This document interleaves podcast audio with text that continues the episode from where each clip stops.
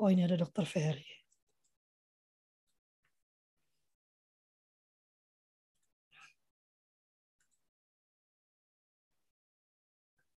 Ini harus ada yang menemani saya berdiskusi nih aku sendirian. Masa aku yang ngomong aku yang sendirian? Agak repot ya. Kita mulai ya. Uh, selamat pagi, sahabat suluh keluarga. Uh, setelah hari Rabu kemarin saya terpaksa off ya, uh, tidak tidak meluncurkan kultur parenting pagi. Pagi ini kita mulai lagi ya dengan topik uh, yang menurut saya uh, menarik ya, yaitu bagaimana uh, uh, mengasah ke, uh, kepedulian. Kok dalam telinga saya terus kebiasaan baik ya, uh, mengasah kepedulian pada anak. Uh, saya tidak akan memaparkan teori atau apa ya, saya hanya ingin menyampaikan beberapa hal dan uh, memancing pemikiran teman-teman. Jadi nanti kita akan banyak berdiskusi ya. Uh, karena pengalaman saya kemarin pulang dari Banjarmasin gitu, uh, saya sangat apa terpesona dan kagum dengan pelayanan yang diberikan di hotel tempat saya menginap gitu ya sangat berasa dipedulikan diperhatikan dia very helpful gitu ya tapi juga saya melihat beberapa display ya display ketidakpedulian apa orang-orang uh, yang bekerja dengan saya gitu. Jadi saya terpikir uh, bagaimana kemudian hal tersebut lalu saya diskusi dengan uh, salah satu uh, apa Eh, pejabat uh, pariwisata dari Sumatera Selatan gitu kan. Dan beliau bertanya apakah uh, kepedulian gitu integritas itu bisa dilatihkan? Gitu. Ataukah itu sesuatu yang embedded? Nah ini buat saya menarik sekali. Tadinya saya mau ngasih judul judul integritas tapi kayaknya pagi-pagi berat banget ngobrolnya ya. Nah uh, bagi saya beberapa masalah nanti teman-teman boleh ikut ikut ber, berdiskusi ya tapi uh, saya melihat bahwa permasalahan utama dari ketidakpedulian anak-anak kita itu karena kita sendiri itu sudah jelas karena kesalahan kita sendiri ya. Saya paling sedih kalau kemudian para orang tua atau orang dewasa ini uh, melontarkan penghakiman dan pelabelan terhadap generasi setelahnya tanpa menyadari bahwa generasi setelahnya itu adalah produk dari generasi kita gitu. Sehingga ada yang tidak benar dalam Eh, cara kita berinteraksi dengan mereka sehingga menghasilkan perilaku yang menurut kita tidak sesuai ya. Eh, banyak yang luput kita kerjakan. Beberapa judul yang dimintakan itu menanyakan kapan kita bisa memulai eh, melatihkan kebiasaan baik pada anak. Bagi saya melatihkan kebiasaan kebiasaan baik, melatihkan kepedulian itu ya dimulai dari sejak dia dilahirkan gitu ya. Sudah dilatih dengan apa? Dengan toladan. Karena pembelajaran pendidikan itu pada intinya adalah toladan. Makanya guru itu katanya kan digugu dan ditiru. Mengapa? Karena guru itu melakukan pendidikan dan pendidikan hanya bisa dilakukan lewat toladan atau uh, contoh gitu ya. Maka pada waktu kita melakukan uh, pembiasaan untuk uh, kepedulian dari awal itulah yang menjadi uh, apa penekanan kita dalam berinteraksi di depan anak-anak dan di belakang anak-anak. Karena sering kali juga saya melihat orang tua yang kalau di depan anak-anak bagaimana sikapnya, kalau nggak ada anaknya beda lagi sikapnya gitu ya. Seolah-olah dia itu sedang menjalani profesi sebagai orang tua. Sementara orang tua itu bukan profesi sama seperti guru kalau menurut saya itu bukan profesi tapi panggilan. Sehingga di mana pun dia berada dia adalah guru gitu ya. Dokter di mana pun dia berada dia adalah dokter. Kalau ada orang yang sakit ya dia akan segera turun tangan gitu tanpa melihat apakah ini pasien saya atau tidak gitu. Tapi kalau ada sesuatu yang perlu dia kerjakan, dokter Ferry nanti bisa uh, apa uh, mengkonfirmasi mungkin ya sedang makan malam di satu tempat di luar kota tidak kenal siapa pun di tempat itu ada yang sakit ya saya rasa dokter Ferry akan secara naluri akan turun tangan untuk membantu setidaknya pertolongan pertama. Nah harusnya ini yang menjadi naluri dari orang tua ya orang dewasa sebagai uh, orang yang dikenai kewajiban untuk melakukan perlindungan dan pendidikan ya. Sayangnya Teh Yanti tidak bisa berbicara dalam hari ini. Beliau sedang sedang sibuk ya. Tetapi itu yang seharusnya menjadi pemikiran kita. Contoh utamanya adalah kepedulian itu apa saya saya ingat ya tahun uh, uh, sebetulnya sudah lama sekali ya 13 tahun yang lalu uh, berapa tahun yang lalu ya Teh ya? Waktu kita masih membuat uh, komunitas homeschooling. By the way uh, berapa hari yang lalu tuh saya mengantarkan Rahma pulang jadi saya ke uh, Villa Nusa Indah 5 uh, Villa Nusa Indah 5 Teh tempat kita dulu membuat membuat apa membuat komunitas homeschooling ya. Uh, yang saya perhatikan anak-anak itu uh, kehidupan mereka itu membosankan kalau menurut saya. Kenapa? Karena mereka itu seperti mohon maaf, seperti kuda yang dipasangi uh, kacamata ya. Jadi pandangan mereka hanya ke satu titik gitu. Kalau anak-anak itu berangkat dari sekolah ke dari rumah ke sekolah misalnya ya, uh, jarang sekali anak-anak itu kemudian matanya berkeliran ya. Mereka kalau nggak sibuk di uh, handphonenya untuk chatting atau bermain dengan bermain memainkan gamenya, atau sibuk dengan pengerjaan tugas PR-nya yang belum selesai, bacaannya yang belum selesai, sehingga jarang sekali matanya berkeliling gitu ya. Eh, dan kalau saya tanyakan, mereka bilang, ah eh, capek kak, ah, bosan kak. Kemudian saya jadikan itu sebuah eh, apa sebuah tuh penugasan ya. Saya minta mereka melihat sekeliling dan melaporkan kepada saya apa-apa yang dia lihat selama perjalanan pendeknya dari atau perjalanan panjangnya dari rumah ke sekolah gitu ya ke tempat kami berada gitu kan. Dan terus yang saya tanyakan yang aneh-aneh ya karena mereka kan e, kalau dipinta berkeliling atau memandang kita terbiasa e, mengelompokkan itu nggak penting ini penting itu sementara segala sesuatu itu sebetulnya bagi saya adalah sumber pembelajaran. Segala sesuatu yang kita lihat di dunia ini itu adalah sesuatu yang bisa kita gunakan sebagai pembelajaran gitu. Makanya namanya belajar sepanjang hayat. Kalau kita kecilkan pembelajaran itu hanya kepada akademik-akademik saja, maka pembelajaran sepanjang hayat nggak terjadi karena mau belajar apa lagi nggak menarik gitu. Apakah masa mau sekolah terus umur hidup gitu kan? Padahal pembelajaran sepanjang hayat itu adalah terus uh, terus uh, melihat segala sesuatu itu sebagai input pembelajaran yang baru, sesuatu yang menarik yang perlu kita gali lebih dalam lagi, perlu kita analisa lebih dalam lagi kembali pada waktu itu barulah kemudian anak-anak melihat dan menjadi topik pembicaraan yang menarik. Misalnya, oh iya kak, tadi pagi itu saya ngeliat ada orang ya, uh, dia tuh kelihatan sayang banget sama pacarnya. Terus-terusan dipeluk, terus gitu ya, uh, menyenangkan sekali gitu ngelihatnya kak. Terus dia tuh kak ada satu ibu-ibu ya, itu kayaknya capek banget kak. Cuman apa uh, apa mukanya itu sedih banget. Oh ya, kenapa kamu berkata sedih? Mulai kita diskusi tentang definisi sedih, lalu penyebab-penyebab sedih, apa yang bisa kita lakukan kalau kita sedih gitu. Dengan membuka mata anak-anak pada sekelilingnya, lewat kita membuka mata pada sekelilingnya, membuat anak punya kebiasaan untuk peduli. Misalnya ya, contoh yang paling gampang ya. Kalau Bapak Ibu berjalan lalu ada sampah di bawah. Kemarin saya diskusi dengan Cik Maria tentang kondisi orang yang ada di bawah ya Uh, karena bagi saya semua ini adalah kembali ya, bagi saya semua ini adalah pembelajaran. Saya katakan bahwa eh, orang-orang uh, yang yang uh, yang tidak peduli pada mereka yang di bawah sebetulnya bisa tampak dari perilakunya. Kita tuh kalau ada barang di bawah, perilaku kita satu, kita lewatin atau kita tendang supaya tidak menyingkir tidak menghalangi jalan kita, kita tendang ke samping. Alih-alih memungut meletakkannya ke tempat yang tepat ya, kalau sampah itu ditaruh di tempat sampah, kalau barang jatuh itu ditaruh di atasnya, tapi uh, kalau saya amati jarang sekali orang yang punya kebiasaan memungut apa yang ada di bawah, meletakkan.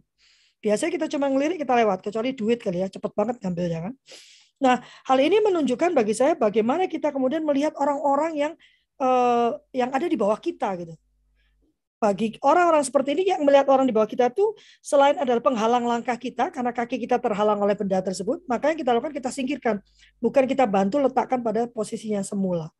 Dan berapa banyak dari kita yang kalau melihat sampah di bawah itu kita pungut, kita taruh di tempatnya kita akan tendang. Yang kita lakukan kita tendang ke samping gitu ya, atau kita tendang ke keluar dari lokasi supaya tidak mengganggu kita. Lebih tepatnya adalah mengganggu kita. Sementara uh, sampah itu sebenarnya harus kita pungut, kita letakkan kebiasaan yang kecil saja, kepedulian yang kecil saja. Seringkali kan kalau ada barang di jalan yang berbahaya, kita uh, apa melewatinya gitu ya kita menghindari. Tapi kita tidak memikirkan orang di belakang kita juga akan mengalami hal yang sama. Alih-alih berhenti untuk memungut dan meletakkan di tempat yang tepat supaya tidak menghalangi orang lain kita hanya memikirkan apa yang akan terjadi pada diri kita. Ini yang bagi saya akan dipandang oleh anak-anak. Apa pun kata kita tentang kepedulian uh, ocehan kita tentang kepedulian tidak akan bisa nyampai, tidak akan bisa tertularkan selama kita tidak memberikan toladan yang sama. Jadi bagi saya, yang pertama dilakukan adalah mendefinisikan kepedulian itu sejauh apa sih? Bagaimana keluarga ini mendefinisikan kepedulian? Bagaimana kemudian keluarga itu menerapkan kepedulian? Karena saya sangat percaya unit terkecil itu memang keluarga. Maka segala karakter itu harus dimulai dari keluarga. Keluargalah yang mengetahui value yang mereka pegang. Karena karakter, kebiasaan, kepedulian itu sangat terkait dengan tata nilai yang dipegang oleh keluarga tersebut. Apakah tata nilai agama tertentu atau budaya tertentu. Kemudian keluarga tersebut mendiskusikan kepedulian itu seperti apa. Keluarga itu kalau masih kalau anak-anak masih kecil atau bahkan baru dibentuk keluarga itu, maka suami istri ini saya rasa bahkan sejak pacaran ya mulai mendiskusikan tingkat kepedulian ya. Saya membaca chat kiriman Teh Yanti ya, Teh Yanti kalau boleh diceritakan ya uh, dengan anaknya yang baru, uh, lucu kan?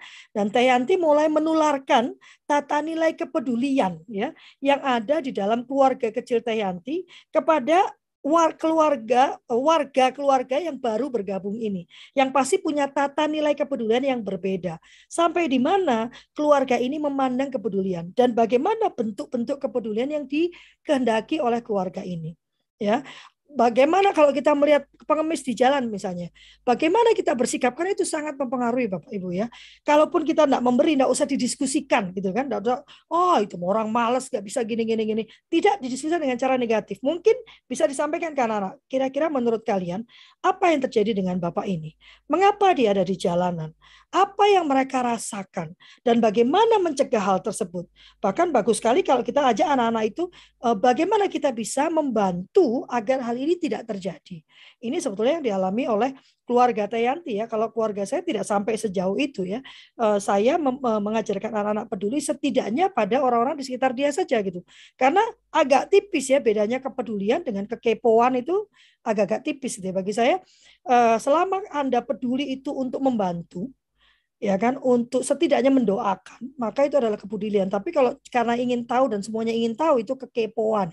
Hanya mau membicarakan dan uh, apa menghakimi itu sih bukan kepedulian ya. Saya itu kan peduli kak. Makanya saya perhatikan terus gitu. Tetangga itu kok kira-kira kayak gini ya. Itu saya karena peduli itu mah kepo gitu ya. Peduli itu artinya dimulai dengan niat yang baik kalau menurut saya ya. Ada hal-hal yang ingin dikerjakan, dibantukan, setidaknya didoakan untuk kepentingan orang-orang yang ada di sekitar kita. Peduli pertama adalah membiasakan anak membuka mata dan melihat ke sekelilingnya. Nggak mungkin bisa peduli kalau dia tidak melihat sekelilingnya. Anak saya yang terkecil ini, Kak Del ini, dia sangat senang dengan handphonenya ya. Dia selalu sibuk dengan handphonenya. Ya, sering kali saya ngomel dengan dia karena dia tidak tahu apa yang sudah dilewatkan. Jadi kadang-kadang yang saya lakukan adalah saya terus manggil Kak Deli. Ya, nanti boleh ditanya Deli ya. Jadi seperti anak kecil Kak Deli, Kak Deli hanya supaya dia mengangkat uh, kepalanya dari uh, dari handphonenya gitu ya supaya dia paling tidak melihat. Kalau saya bilang, Dedek kita mau cari makanan ini, coba Dedek cari di mana uh, gedungnya gitu ya. Hanya supaya mengangkat kepalanya dan melihat sekeliling. Karena saudara-saudara saya ya, sahabat-sahabatku bestie gitu ya saya sebutnya ya, uh, dunia ini terlalu menarik ya untuk tidak dilihat satu persatu. Kalau Anda hanya fokus pada diri Anda sendiri, dunia ini menjadi sangat apa ya, uh, sangat tidak menyenangkan, ya, stressful karena hanya Anda yang Anda lihat. Tapi pada saat Anda peduli, Anda melihat ke sekeliling, maka sebetulnya jawaban-jawaban dari permasalahan hidup Anda itu ada di sekitar Anda maka harus membuka mata dan peduli. Mengasah kepedulian anak menurut saya dimulai dari keluarga. Dengan mendiskusikan kepedulian itu apa definisinya, sejauh mana, bagaimana penerapannya menurut keluarga ini, kemudian menjadikan hal tersebut sebagai kebiasaan dari keluarga. Ini bukan sebuah tata aturan, bukan sebuah uh, apa, bukan sebuah uh, kewajiban, tetapi sebuah penghidupan bahwa keluarga kita memang sebuah keluarga yang peduli peduli untuk membantu sesama setidaknya untuk mendoakan orang-orang yang kita lihat yang kita lihat membutuhkan bantuan kita.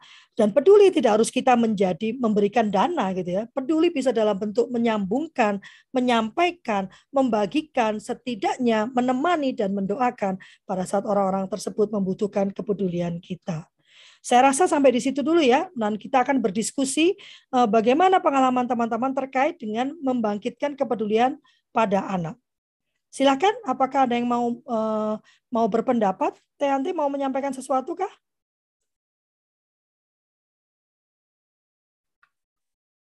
Masih sibuk? Teman-teman yang lain, Kak Enda, Kak Untari, Kak Lili, Kak Unco, Kak Nora, Kak Rima, Kak uh, Dokter Ferry, Kak Inong, Kak Fatima, Pak Mutakin, selamat pagi, Kak Vivi, Kak Susi, Kak Ani, Pak Kak Sofian, Kak Ambar, Kak Feisi, tuh udah di absen satu-satu loh. Bagaimana uh, pengalaman terkait dengan kepedulian ya? Yang menarik juga sebetulnya anak-anak saya itu uh, belajar tentang perlunya peduli pada saat mereka mengalami uh, pada keluarga kami itu mengalami kejatuhan gitu ya. Saya pun kemarin uh, baru diskusi dengan dengan dengan uh, kekasih saya, saya bilang saat ini nih pada saat kita jatuh ya kita tuh harus benar-benar memandang sekeliling kita dan menyerap semuanya. Kita harus menyerap dan mempelajari bagaimana sikap orang-orang yang merendahkan kita yang menghina kita yang menyakiti kita yang memanfaatkan kita gitu dan benar-benar menempatkan itu dalam benak kita. Bukan untuk uh, bukan untuk membalas dendam nanti pada saat hidup kita berubah, tapi untuk tahu sikap-sikap apa yang tidak boleh kita lakukan pada saat hidup kita itu mulai mengalami peningkatan. Kita juga perlu memperhatikan orang-orang yang mendukung kita, yang menemani kita untuk tahu sikap-sikap apa yang harus kita lakukan pada saat kita sudah mengalami peningkatan. Hidup itu adalah sebuah pembelajaran. Ah, ini ya, oh ini Tayanti ada lima golden questions dari bukunya Alan Pearson yang berjudul Question are the answer sangat membantu untuk peduli diri sesama semesta. Ternyata bisa secara sadar dan terencana mengatur sedikit waktu luang untuk unjuk peduli sesama dan semesta. Ya, benar. Jadi makanya tadi saya bilang kan dijadikan kebiasaan. Nanti kalau bicara kebiasaan, teman-teman perhatikan lagi buku yang sudah pernah kami bagikan ya. Um, apa uh, apa tuh teh Eh, atomic habit ya five second rules itu kan. Bagaimana kita bisa secara sadar uh, membuat itu menjadi kebiasaan gitu. Kepedulian itu menjadi sebuah kebiasaan. Tetapi menurut saya kita tidak bisa menjadikan sebuah kebiasaan kalau kita belum ajak dulu memahami apa itu kepedulian. Bagaimana kepedulian itu bisa ditunjukkan apa yang bisa media apa yang bisa kita pakai untuk melakukan unjuk peduli itu tadi gitu kan? Media-media itu beragam bentuknya tidak bisa satu. Tergantung situasi dan kondisi keluarga juga tata nilai keluarga gitu kan? Tetapi eh, dengan begitu kemudian kita bisa membentuk kebiasaan baru bagi keluarga tersebut untuk menunjukkan kepeduliannya.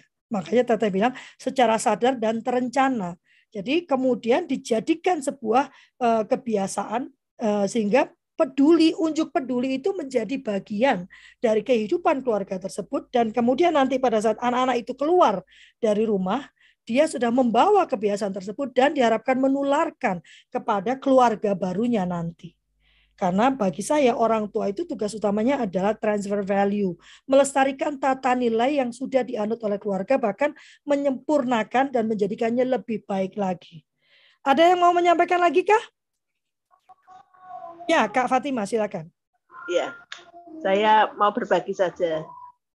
Eh, ketika anak-anak kecil, gitu ya, saya berusaha agar anak-anak itu lebih peduli, lebih peduli dengan orang lain Misalnya contohnya begini, ketika uh, Lebaran, ya namanya anak-anak itu kan biasanya banyak mendapat angpau ya, mm. mendapat angpau nanti terus dihitung, terus hari terakhir nanti dihitung dapat berapa, dapat berapa, terus saya bilangnya gini, alhamdulillah ya kita masih punya bapak, itu punya bapak yang bisa ngantar ke mana-mana sehingga kita dapat dapat angpau banyak. Nah sekarang disisihkan, uh, disisihkan berapa? Kamu ikhlasnya berapa? Gitu. Misalkan oh ini sepuluh ribu bu. Ah nggak kurang tak itu. Kan uangnya kan sekian gitu. Nah terus akhirnya eh, dengan kesepakatan jadi kita kita ini uh, iuran kayak iuran gitu ya. Misalkan anak-anak berapa gitu. Misalkan dua puluh ribuan itu bertiga nah saya tiga kemudian saya kemudian bapaknya. Kemudian saya ajak ke karena sini saya nggak tahu dulu ya uh, uh, apa itu panti asuhan terdekat itu mana. Akhirnya saya pernah berjumpa dengan uh, seorang ibu yang suaminya itu kuli bangunan, kemudian bangun masjid, suaminya itu jatuh meninggal dunia, sedangkan anaknya masih kecil-kecil dua plus hamil sembilan bulan. Nah akhirnya uh, saya ajak ke ke situ. Nah tapi yang namanya anak-anak, apalagi anak anak saya yang kecil itu kan kritis tidak seperti kakaknya. Kalau kakaknya itu tidak usah diajarin kalau ada temannya sakit dia langsung langsung bertindak mencari guru entah cari ibunya untuk menolong Tapi kalau yang adiknya itu lebih ke gimana ya? Selalu kayak mikir untung rugi gitu loh. Nah, memang anak-anak wataknya berbeda-beda. Nah, akhirnya ketika saya ajak ke itu ke ke rumah rumah itu rumah ibunya ibunya yang janda itu uh, saya juga bawa baju-baju anu nak ini baju-bajumu kan kebetulan uh, anaknya ada yang lebih kecil dari anak saya. Ini baju-bajumu yang masih bagus, yang masih bagus saja, ayo dipilih yang sudah nggak muat. Akhirnya dipilih semua. Terus kita bawa ke sana. Eh, ini anak saya yang kecil tiba-tiba bilang begini di hadapan ibunya itu, Bu, orang ini nggak punya uang, kok dikasih uang. saya kan malu sekali. Ya, itu contoh kita dalam hal menyumbang. Saya juga mencontohkan dalam hal kepedulian. Jadi karena uh, saya dulu sering uh, misalkan ngantar uh, orang-orang yang punya anak anak autis itu ke Surabaya gitu untuk untuk apa istilahnya untuk konsultasi gitu ya untuk konsultasi ke dokter. Nah biasanya saya antar. Nah setelah saya antar itu biasanya saya pantau lagi gimana perkembangannya gitu. Anak-anak saja. Jadi uh, untuk melatih kepedulian. Jadi bahwa kepedulian itu tidak hanya berupa sumbangan tapi juga berupa support seperti itu. Nah, nah untuk untuk sampah juga gitu. Kan kadang anak saya kan protes. Ah, Bu, tidak ada tempat sampah. Udah taruh di tas saja, nanti dibuang kalau ketemu tempat sampah gitu. Nah, tapi ini Bu, orang-orang dibuang enggak apa-apa, biarkan orang-orang yang yang yang penting kita lakukan itu yang benar.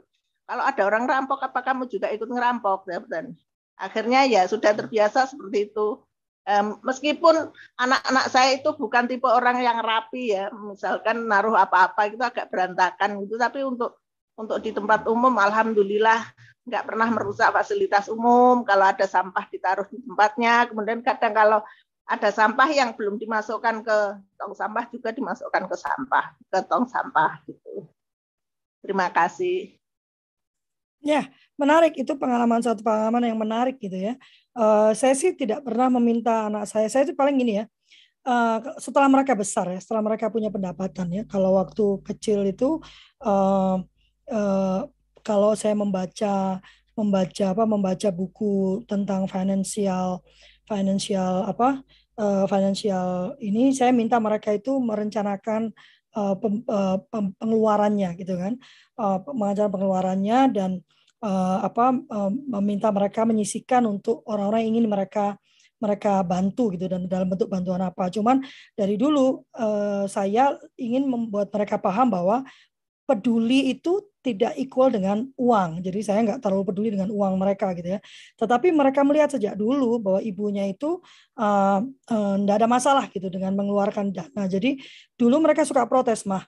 Bukannya kata mama uang mama tinggal sekian ya kok mama bantu dia sekian gitu kan kan habis mah uang kita mah. Nah ya, saya membiarkan mereka bertanya lalu kita mendiskusikan mengapa saya punya pikiran seperti itu gitu kan. Lalu kami uh, bangkrut total ya kami bangkrut total uh, dan kami sangat membutuhkan uluran tangan orang dan melihat bagaimana uh, Tuhan itu mengirimkan banyak orang uh, sehingga kami dibantu oleh orang-orang tersebut dan eh, masa-masa itu anak-anak saya itu kemudian tahu bahwa ada loh masa di mana kami itu harus menghitung benar makanan yang kami makan. Kami bertiga kan. Eh, ayam itu satu ayam bagaimana cara membaginya supaya kita bisa makan semua ya. Eh, telur itu bagaimana gitu ya supaya hari ini kita semua makan gitu kan. Dan semuanya kenyang gitu kan. Sehingga setelah itu terlewatkan mereka bisa bisa memahami Eh, penderitaan orang-orang yang sedang dalam kesulitan itu gitu. Jadi anak-anak saya itu puji Tuhannya bisa ngomong, boleh nggak aku bayarin dia mah? Kok dia kok ini ya eh, satu waktu tuh kami makan bareng-bareng dengan kelompok itu eh, dan satu pasangan ini lama sekali milih menunya gitu kan. Terus anak saya yang besar tanya, kenapa mereka lama sekali memilih menu mah? Padahal kan menunya banyak dan dan apa apa enak-enak. Saya bilang ya karena cukup mahal di sini. Karena tempat kami makan tuh satu porsinya waktu itu antara 80.000 sampai 150 cukup lumayan mahal lah ya. Menurut saya juga ya mungkin ada beberapa yang kata oh, itu mah murah kak gitu ya. Saya bilang mungkin tidak cukup ah, uangnya. Sehingga mereka harus memilih mana makanan yang paling efek apa eh, paling paling efektif ya dan efisien gitu ya eh, untuk budget mereka hari itu. Karena kita makan berkelompok kan mereka harus makan juga. Terus dia bilang, apakah akan tersinggung mereka kalau saya menyampaikan boleh saya yang bayar saja? gitu. Karena uh, saya pernah di posisi itu di mana mau makan aja bingung mencari yang paling murah, cari yang paling uh, apa uh, paling cepat, makanya setidaknya saya tidak malu gitu. Jadi rupanya pengalaman hidup juga membuat mereka uh, apa belajar tentang kepedulian. Tetapi pengalaman hidup itu bisa berakibat dua ya, bisa pada pengasahan kepedulian, bisa jadi balas dendam gitu ya.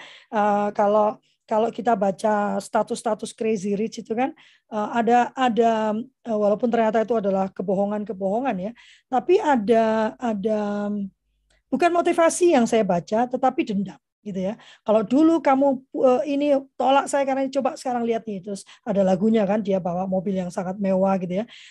Padahal sebetulnya yang diharapkan dari kesulitan yang kita alami adalah bentuk pembelajaran tentang kepedulian gitu ya. Eh, bahwa kita pernah mengalami hal yang sama tadi sudah saya sampaikan kan bahwa kita sekarang dihina orang di, eh, di disakiti orang diinjak orang itu bukan menjadi dendam buat kita tetapi menjadi pembelajaran. Bahwa satu hari nanti pada saat kita ada di atas gitu ya eh, kita tidak akan melakukan itu. Dan anak-anak tidak mungkin punya kesimpulan seperti itu apabila kedua orang tuanya tidak memiliki value yang jelas ya. Kepedulian itu seperti biasa seperti saya katakan tadi di uh, toladankan seperti Kak Fatima misalnya tadi ya dia menyampaikan. Kak Fatima yang mengambil inisiatif untuk melakukan kepedulian lebih dahulu lalu meminta anak mencontohkan ya. Sehingga mereka lihat bahwa ibunya pun melakukan hal yang sama. Ini adalah sesuatu yang biasa. Bagi saya kalau tadi anaknya menyampaikan hal tersebut nggak usah malu. Katakan ya menurut uh, menurut kakak ini bukan masalah tidak punya uang atau punya uang gitu ya. Kita hanya menunjukkan kepedulian Mengapa? Karena kita tidak tahu apa tepatnya yang dibutuhkan oleh mereka, mungkin juga bukan uang, tetapi akan lebih mudah menurut ibu kalau kita memberikan sebagian dana kita sehingga bisa mereka manfaatkan. Misalnya gitu kan. Eh, atau juga bisa ditanyakan apa bagaimana kondisi mereka hari ini karena kan masih kecil ya dan apa yang menurut kakak mereka alami dengan uh, dengan uh, kesulitan yang saat ini mereka hadapi gitu ya uh, jadi uh, anak saya yang besar itu kan juga ada di spektrum autisme ya. Jadi dia akan menyampaikan tepat seperti apa yang dia pikirkan, bukan untuk menghina, bukan untuk merendahkan, tapi memang begitulah mereka. Mereka itu hitam dan putih gitu ya. Jadi enak sebetulnya punya anak-anak ini. Hidupnya itu hitam putih, dia tidak manipulatif gitu ya. Sehingga waktu itu memang sering kali saya harus sampaikan, pernah dia pergi ke keluarga yang yang paling kaya ya, keluarga bapaknya yang paling kaya, yang paling dihormati. Dan mereka itu rupanya Eh, tidak biasa untuk segera memberikan minuman misalnya kepada tamunya. Anak saya yang besar itu waktu itu masih umur empat tahun apa empat tahun kalau nggak salah masih kecil kok. Adiknya belum ada ya empat tahun ya tiga empat tahun gitu. Dia bertanya rumah ini bagus sekali ya Eyang? Oh terima kasih Raka gitu kan. Cuman sayang ya rumah ini sepertinya nggak punya PDAM ya nggak ada nggak ada ini ya ledeng ya. Karena dia nggak tahu sumur ya. Eh, nggak ada ledeng ya gitu ada Raka kenapa? Enggak, dari tadi kok enggak ada minuman yang keluar ya. Saya pikir mati mati ya airnya, makanya enggak ada minuman. Nah, itu kan orang uh, yang uh, apa neneknya malu banget ya. Tapi bagi saya harus jelaskan aja. Oh, karena ini kan rumah Eyang. Jadi uh, Eyang berharap kamu itu minta minum sendiri karena ini kan rumah kamu juga. Bisa seperti itu ya. Sayangnya reaksi neneknya waktu itu adalah merasa malu itu kan. Sebetulnya itu kita jelaskan saja. Tapi nanti disampaikan eh, dede nanti lain kali tidak demikian. Sama seperti pernah ya dia diberikan baju yang dia tidak suka ya. Yang dia tidak suka. Anak saya mengatakan ya kepada orang tersebut terima kasih ya sudah memberi saya baju. Cuman sayangnya saya tidak suka baju itu. Jadi daripada nanti saya tidak pakai boleh nggak dikasihkan ke orang lain aja gitu ya. Apakah itu kurang ajar? Tidak. Dia hanya melihat efektivitas keefektivitasannya aja kan. Lah saya nggak pakai. Buat apa diberikan ke saya? Sementara banyak orang yang masih membutuhkan baju yang sama. Jadi terima kasih sudah memberikan, tapi dikasihkan ke yang lain saja boleh nggak? Nah, karena kita tuh terbelenggu dengan rasa sungkan sehingga e, bantuan itu tidak tepat sasaran. Sama seperti kondisi sekarang ya. Waktu pandemi kemarin, saya membaca di berita itu kan kita seolah-olah ingin peduli, membagikan makanan aja. Sampai akhirnya orang-orang itu kelebihan makanan, jadi mereka buang.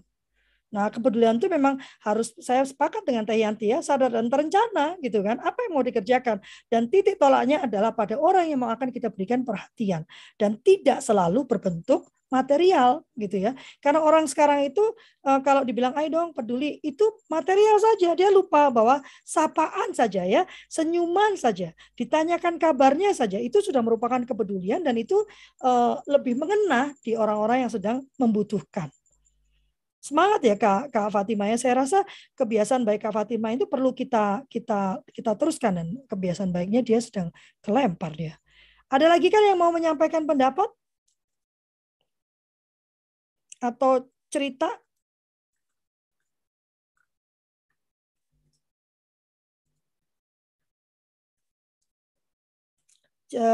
Bu Untari atau yang lainnya? Kak, sedikit saya mau cerita. Yuk, silakan. Uh, kalau kami memang dari anak-anak kecil ya di, dibiasakan karena kalau sekarang aja sudah dibiasakan saja gitu ya itu kadang-kadang mereka lupa karena ya banyak lebih banyak pengalihannya ya yaitu salah satunya gadget itu hmm. saya lihat juga waktu masih kecil itu saya biasakan tuh salah satunya adalah kalau misalnya bangun pagi apa itu saling menyapa gitu kan. Terus uh, kemudian ke orang uh, luar misalnya tamu atau apa itu juga menyapa senyum dan sebagainya. Itu uh, ketika udah besar itu ternyata banyak lupa gitu loh kenapa karena memang lingkungan juga kan cuek gitu ya anak-anak sekarang itu cuek ketemu apa ya ketemu guru ketemu siapa aja mereka bisa cuek gitu loh diem aja gitu nah uh, itu menjadi bagian saya untuk mengingatkan gitu. Yeah. Jadi ya. kalau ketemu orang atau apa sapa gitu ya. Saya tepuk aja kadang-kadang saya tepuk tangannya jadi supaya dia maju ke depan berhenti dengan megang gadgetnya gitu kan. Jadi karena kebiasaan itu begitu uh, mereka nggak ada yang boleh pegang gadget sambil jalan atau makan dan sebagainya, saya tepuk pasti itu. Terus mereka selalu bilang, kadang-kadang mereka protes ke saya ya, uh, mereka selalu bilang saya terlalu cepat gitu ngingetin ke mereka karena mereka sebenarnya sepersekian detik dia mau lakukan itu loh. Saya bilang berarti kalian telat, bukan maminya yang kecepatan. Saya bilang kadang-kadang um, apa mengajak orang lain makan ya kan kalau misalnya mereka makan uh, mami papi makan uh, siapa gitu misalnya kalau ada neneknya atau bahkan kalau ada ART ya mbaknya atau apa itu dilatih gitu ya kalau uh, apa uh, saya dari kecil gitu. Kalau dia mau makan gitu, semua uh, sudah dibiasakan. Tetapi ya buktinya besar itu mereka juga nggak terlalu peduli. Yang benar juga yang Kak Lovely bilang, kalau naik mobil tuh ya, itu bapaknya dulu uh, sering ngoceh-ngoceh gitu karena anaknya nggak peduli jalan gitu loh, nggak lihat kiri kanan. Nah itu pasti dia akan tegur semua dan berhenti kalau nggak suruh turun semua tuh apa gadgetnya bakalan dibuang gitu kan. Jadi mereka tahu itu gitu kita nggak pernah ngancam sesuatu atau misalnya memberikan apa ya disiplin untuk sesuatu yang kita nggak bisa uh, lakukan gitu. Jadi cuman gertak sambel gitu nggak gitu. Jadi uh, yang pasti dia bilang kalau misalnya gimana gitu ya saya ngomong apa gitu. Saya bilang uh, dan dia nggak peduli gitu. Saya bilang ayo try me saya bilang gitu. Begitu dia lakuin ya saya lakukan gitu. Sebagai bentuk disiplin jadi tahu kalau kita serius gitu kan. Nah saya lihat kebiasaan itu memang uh, apa ya jangan bosen-bosen gitu kita lakukan gitu loh. Itu benar tuh yang apa soal sampah soal misalnya nih gantungan baju yang jatuh itu bisa berhari-hari tuh kalau saya nggak ingetin mm -hmm. gitu kan. Mm -hmm. uh, apa misalnya si apa plastik ya kan? Atau sendok yang jatuh gitu ya. Dia ngambil sendok yang baru sendok yang jatuh dia nggak ambil gitu. Bekas makan apalagi kalau sekarang kan uh, di ada kita ada ruang kerja itu bekas makan itu bisa berhari-hari di situ kalau saya nggak ngomel.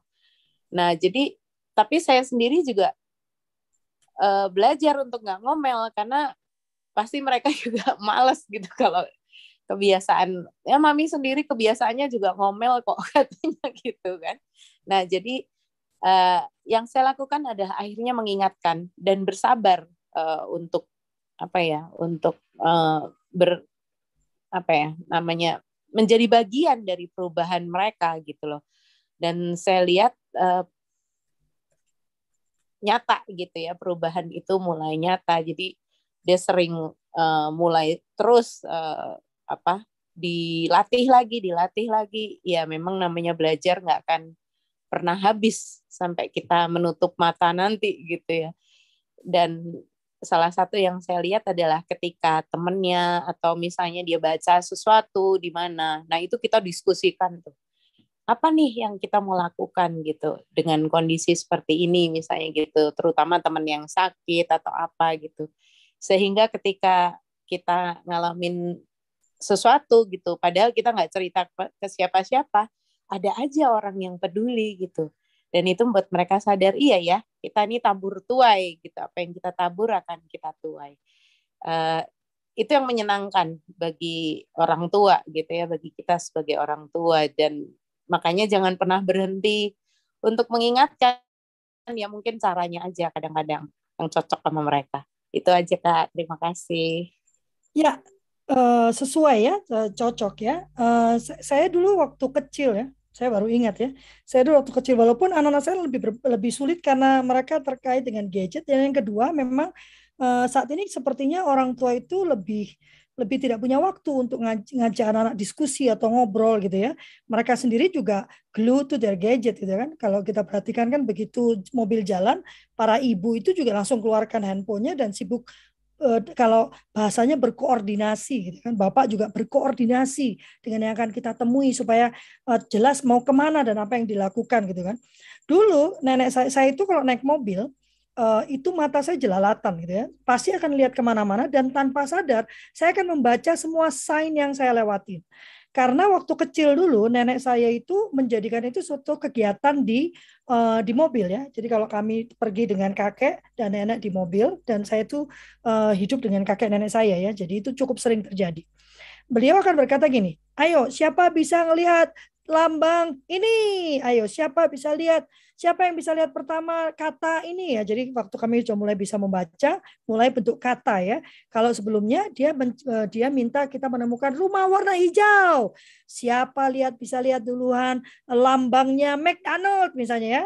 Eh, siapa bisa melihat duluan sehingga kami ini saya terutama uh, terbiasa untuk jelalatan. Ke mana pun saya pergi saya jelalatan gitu ya matanya jelalatan. Melihat sekeliling. Di mana pun saya berada mata saya jelalatan gitu ya. Memandang ke sekeliling gitu. Nah Uh, tapi jelalatannya itu tidak untuk kekepoan gitu ya, tapi saya mau aware gitu kan, karena kita dulu saya sering Tayanti bilang harus aware dengan uh, apa arah mata anginnya gitu, untuk tahu sih paling tidak di arah mata angin saja apa yang terjadi dan di mana gitu ya, uh, sehingga dan itu perlu dilatihkan. Pertama matanya dulu dilatih gitu, matanya itu melihat sekeliling itu dulu gitu, nggak mungkin bisa peduli kalau kita nggak melihat. Nah, melihat saja enggak dan melihat itu melihat secara detail gitu. Yang terjadi biasa orang itu dia melihat tapi dia tidak uh, tidak memperhatikan. Sama dengan dia, dia mendengar, dia itu hear but not listening. Beda ya. Karena kalau bahasa Indonesia kan semuanya mendengar ya. Mendengar sama. Kalau bahasa Inggris itu ada to hear, kalau to hear itu mendengar lewat. Or to listen. Kalau to listen itu kita mendengarkan dengan memberikan perhatian. Nah ini juga berbeda gitu kan. Waktu kita bilang enggak kok kak, saya tuh mendengarkan dia ngomong mendengarkan hear artinya tuh lewat atau listening mendengarkan dengan perhatian, melihat anak tidak melihat hal-hal yang lain gitu ya, tidak sambil melakukan pekerjaan yang berbeda sehingga dia tahu dia sedang diperhatikan, gitu kan. Nah hal-hal seperti ini yang perlu kita ini perlu kita latih mungkin ya. Kita bisa pakai cara nenek saya dulu ya. Dimulai pada saat anak-anak kecil sudah dimulai gitu. Sehingga di mobil itu tidak diberi uh, gadget. Sama dengan kalau sekarang itu begitu diberi. Jadi saya sering lihat uh, keluarga itu dengan anak kecilnya anaknya langsung padahal anaknya nggak minta ya. Anaknya langsung diberi handphone untuk bisa ngelihat YouTube supaya bapak ibunya bisa ngobrol. Loh Kenapa kalau gitu kenapa dibawa? Kenapa nggak anaknya ditaruh di uh, tempat permainan aja biar dia bermain, baru bapak ibunya ngobrol misalnya ya, ya kan? Atau obrolan itu bisa dilakukan di kamar saja waktu anak-anak sudah tidur gitu kan? Tapi apabila anak itu ada, dilibatkanlah dalam pembicaraan keluarga itu gitu kan? Alih-alih dia dipakai untuk menonton gadget gitu ya. Anak saya jadi pinter. Itu sudah terbukti uh, saudara-saudara ya. Gadget itu tidak memberikan kebaikan, terutama pada anak uh, balita. Bahkan uh, sudah di, sudah dibuat ke, uh, penelitiannya antara 0 sampai 2 tahun itu haram, haram loh pakai gadget. Nggak boleh terkena gadget sama sekali. Waktu anak-anak saya masih kecil, yang saya baca itu mereka hanya boleh maksimum dua jam sehari menonton TV karena dulu gadgetnya TV ya. Itu pun tidak boleh uh, uh, langsung dua jam. Makanya kalau teman-teman perhatikan film-film yang film-film uh, untuk anak-anak itu biasa durasinya cuma 15 menit tapi dengan iklan jadi panjang gitu ya. Tapi dengan iklan harusnya itu jadi jadi uh, karena kita menemani anak-anak nonton, begitu iklan kita ajak dia keliling dulu, mengalihkan pandangannya lalu duduk lagi. Sehingga dia tidak uh, tidak tidak konstan selama 30 menit menon, mem, mem, melihat ke layar gitu kan. Ini hal-hal yang yang tidak mungkin teman-teman ketahui kalau teman-teman tidak mempelajari tentang tugas tumbuh kembang anak ya. Makanya saya selalu berkata parenting itu ilmu. Parenting itu bukan insting. Parenting itu bukan ah saya akan diajarkan oleh uh, oleh insting saya apa yang perlu saya lakukan. Parenting itu adalah usaha sadar dan terencana.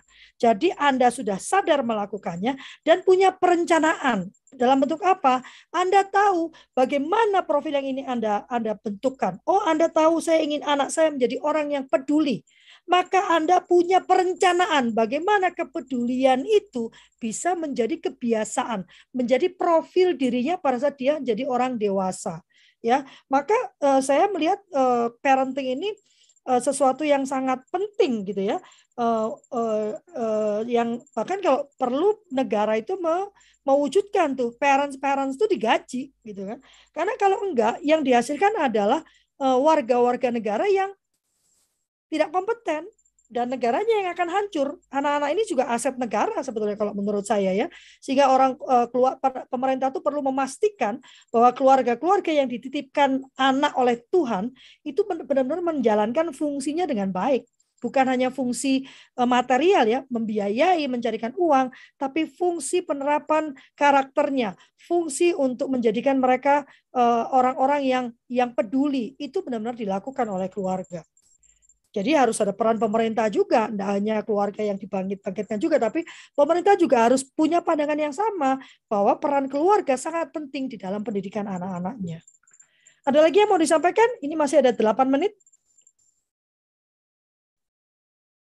Kalili, Karima, saya rasa banyak dari kita ini yang uh, juga bergerak di uh, uh, apa kegiatan sosial yang melibatkan anak-anak yang sudah terluka ya.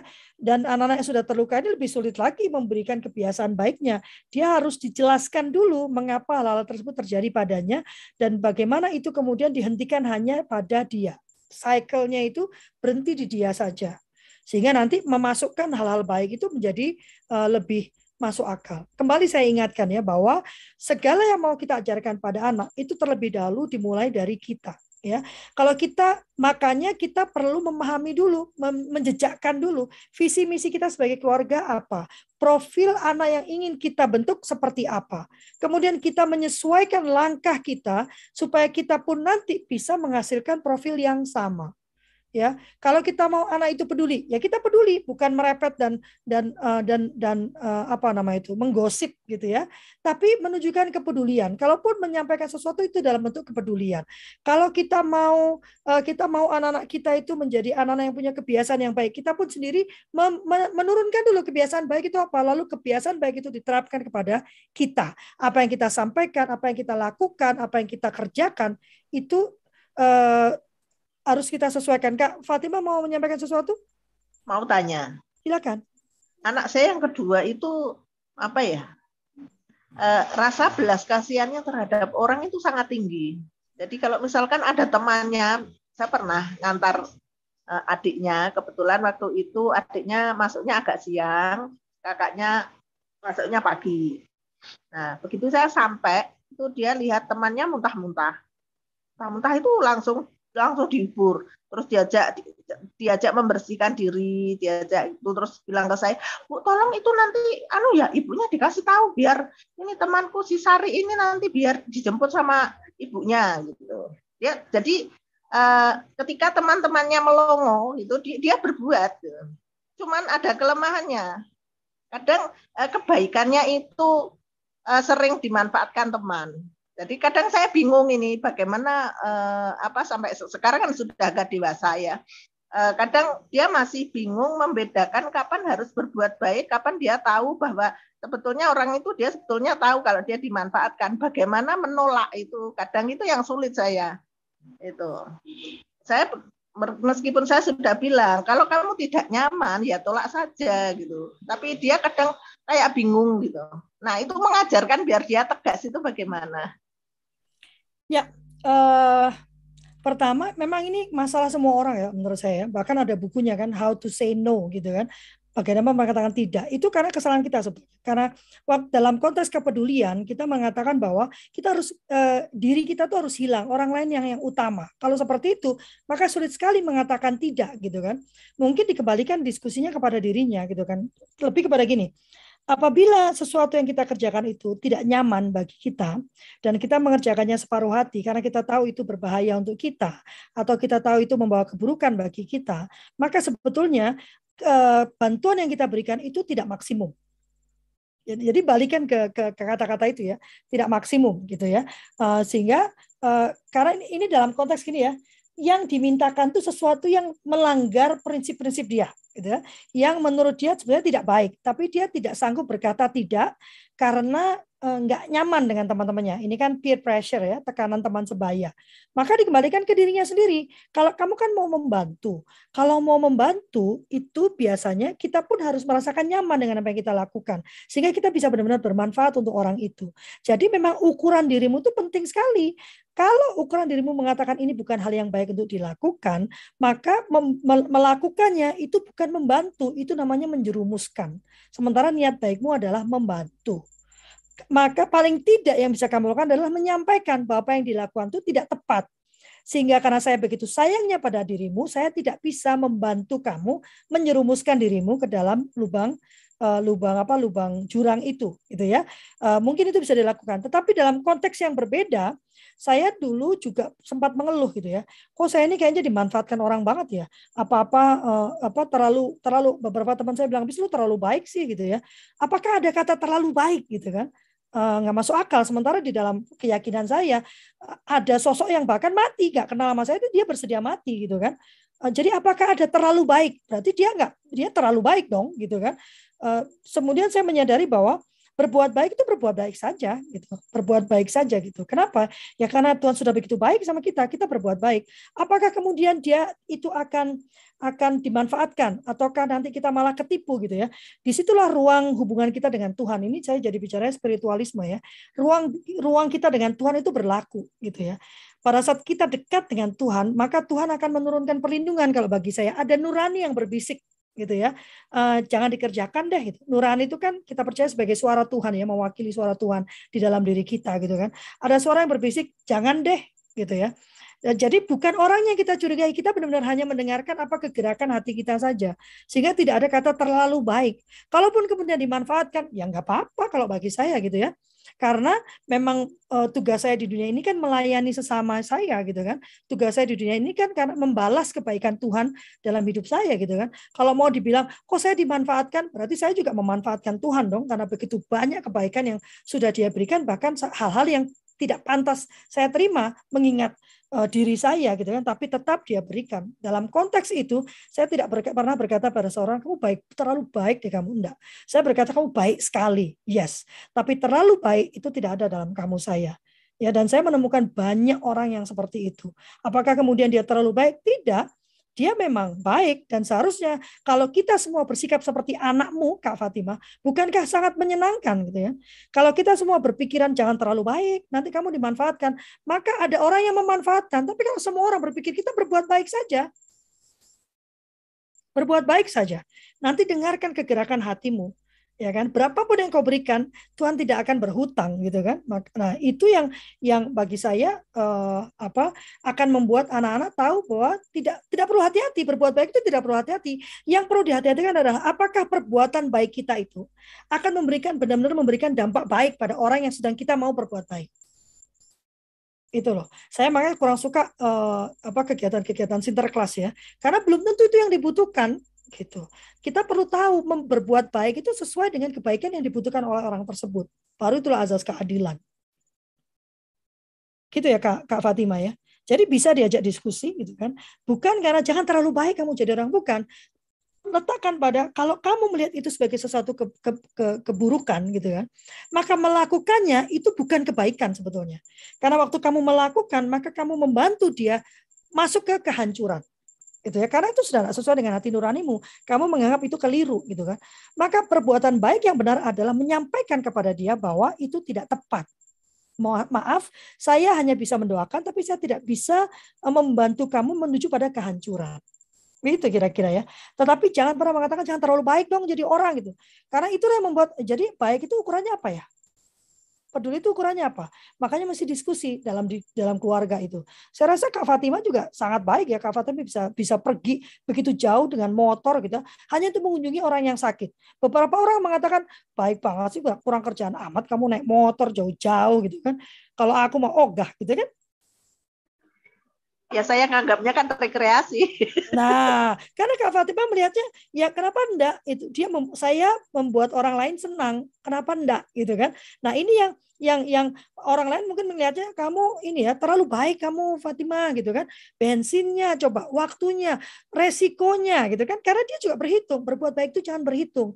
Berbuat baik itu adalah melihat manfaatnya pada orang tersebut, bukan pada kita ya. Namanya berbuat baik bukan manfaat pada kita, tapi pada orang tersebut. Apakah kebaikan ini memberikan manfaat oleh dia atau tidak? Tapi bukan terlalu baik atau enggak, bukan itu. Jangan diukur kebaikannya karena Tuhan tidak mengukur kebaikan dia kepada kita. Sudah jam 8 lebih satu ya. Kita akan bertemu lagi di hari Senin. Hari Senin itu tanggal berapa ya? Nanti saya akan cek jadwal apa jadwal uh, ini ya bulan depan puji Tuhan sudah penuh juga. Kita akan bertemu dengan beberapa teman baru yang akan berbagi. Saya punya pakar neuroparenting ya. Nah, nanti beliau juga akan berbagi ya. Teman-teman kalau tertarik untuk ikut pelatihannya juga boleh. Cukup murah gitu ya. Nanti beliau beliau biar beliau yang menceritakan. Saya juga masih punya pelatihan disleksia ya untuk eh, membantu anak disleksia belajar membaca, berhitung, Eh, dan juga berfungsi executive function ya, executive function untuk anak-anak disleksia dan diskakulia. Tiga kali topik ya, per topiknya 600 ribu. Kalau Anda ikut semua itu menjadi satu juta setengah. Diskon 20% bagi anggota kultur uh, anggota suluh keluarga, sorry, anggota suluh keluarga. Suluh keluarga menerima keanggotaan hanya dengan 150 ribu per tahun ya. Tapi lebih penting dari itu, saya mengharapkan teman-teman mendukung kegerakan yang saya lakukan. Teman-teman lihat ya, saya sendirian, saya tetap jalankan ya. Kalau teman-teman mau membantu saya menjalankan ini, ayo ya, eh, membantu saya menjadi host atau mencarikan pembicara, silakan gitu. Tapi kalau tidak pun, bagi saya seluruh keluarga ini adalah sebuah kegerakan ya. Eh, kita harus membangunkan orang tua agar kita bisa menyelamatkan eh, anak-anak bangsa. Selamat pagi Pak Mutakin. Selamat pagi Lebih. Bagian aja. Jadi uh, uh, take away untuk hari ini ya, karena kemarin habis, habis menerjemahkan untuk acara internasional. Take away untuk hari ini adalah uh, mari kita jadikan ya, mari kita jadikan uh, uh, kebiasaan, uh, sorry, perbuat ke, kepedulian itu sebagai kebiasaan. Dimulai dengan memahami value kita tentang kepedulian, apa yang menjadi definisi peduli bagi keluarga ini, dan bagaimana keluarga ini memaknai perwujudan dari kepedulian. Kemudian menjadikan itu sebagai sebuah kebiasaan baik di dalam keluarga, bukan hanya anak-anaknya. Kebiasaan baik yang dimulai dari ayah dan ibunya, kemudian ditauladankan pada anak-anaknya. Siapa pun anak Anda, bagaimanapun kondisinya, Anda harus percaya bahwa anak-anak Anda akan menumbuhkan rasa pedulinya di waktunya yang tepat. Tugas kita hanya terus menstimulasi dan menauladankan tentang kebiasaan-kebiasaan baik. Terima kasih banyak. Kita berfoto dulu. Kak Deli sudah mengingatkan saya untuk berfoto. Silakan uh, buka kameranya dulu. Kak Enda, apa kabar? Dan mengingatkan teman-teman bahwa nanti siang jam 12 ada operate belajar. Kita akan bicara tentang uh, belajar tan tidak menghakimi yang lain. Silakan Kak Deli. Sudah. Ya, silakan para perempuan ya hanya untuk perempuan jam 12 siang kita berkumpul di Zoom dan YouTube uh, untuk operat belajar dan kita akan belajar tentang bagaimana uh, tidak menghakimi. Terima kasih banyak. Saya mengucapkan terima kasih. Hari ini ada sampai 20 orang uh, saya memohon maaf apabila ada pernyataan, perkataan, sikap gestur yang kurang berkenan. Saya tidak ingin merendahkan, tidak ingin memojokkan, tidak ingin menghakimi, bahkan juga tidak ingin menggurui. Saya hanya ingin membagikan apa yang menjadi keyakinan saya. Oh, Kak Arsti baru bergabung. Dan yang paling penting adalah apa yang Kak saya juga kerjakan dalam kehidupan saya sehari-hari. Ya, terima kasih banyak. Sampai bertemu nanti jam 12 siang. Ya, uh, wassalamualaikum warahmatullahi warahmatullahi wabarakatuh. Tuhan memberkati. Terima kasih. Tuhan berkati. Saya pamit ya.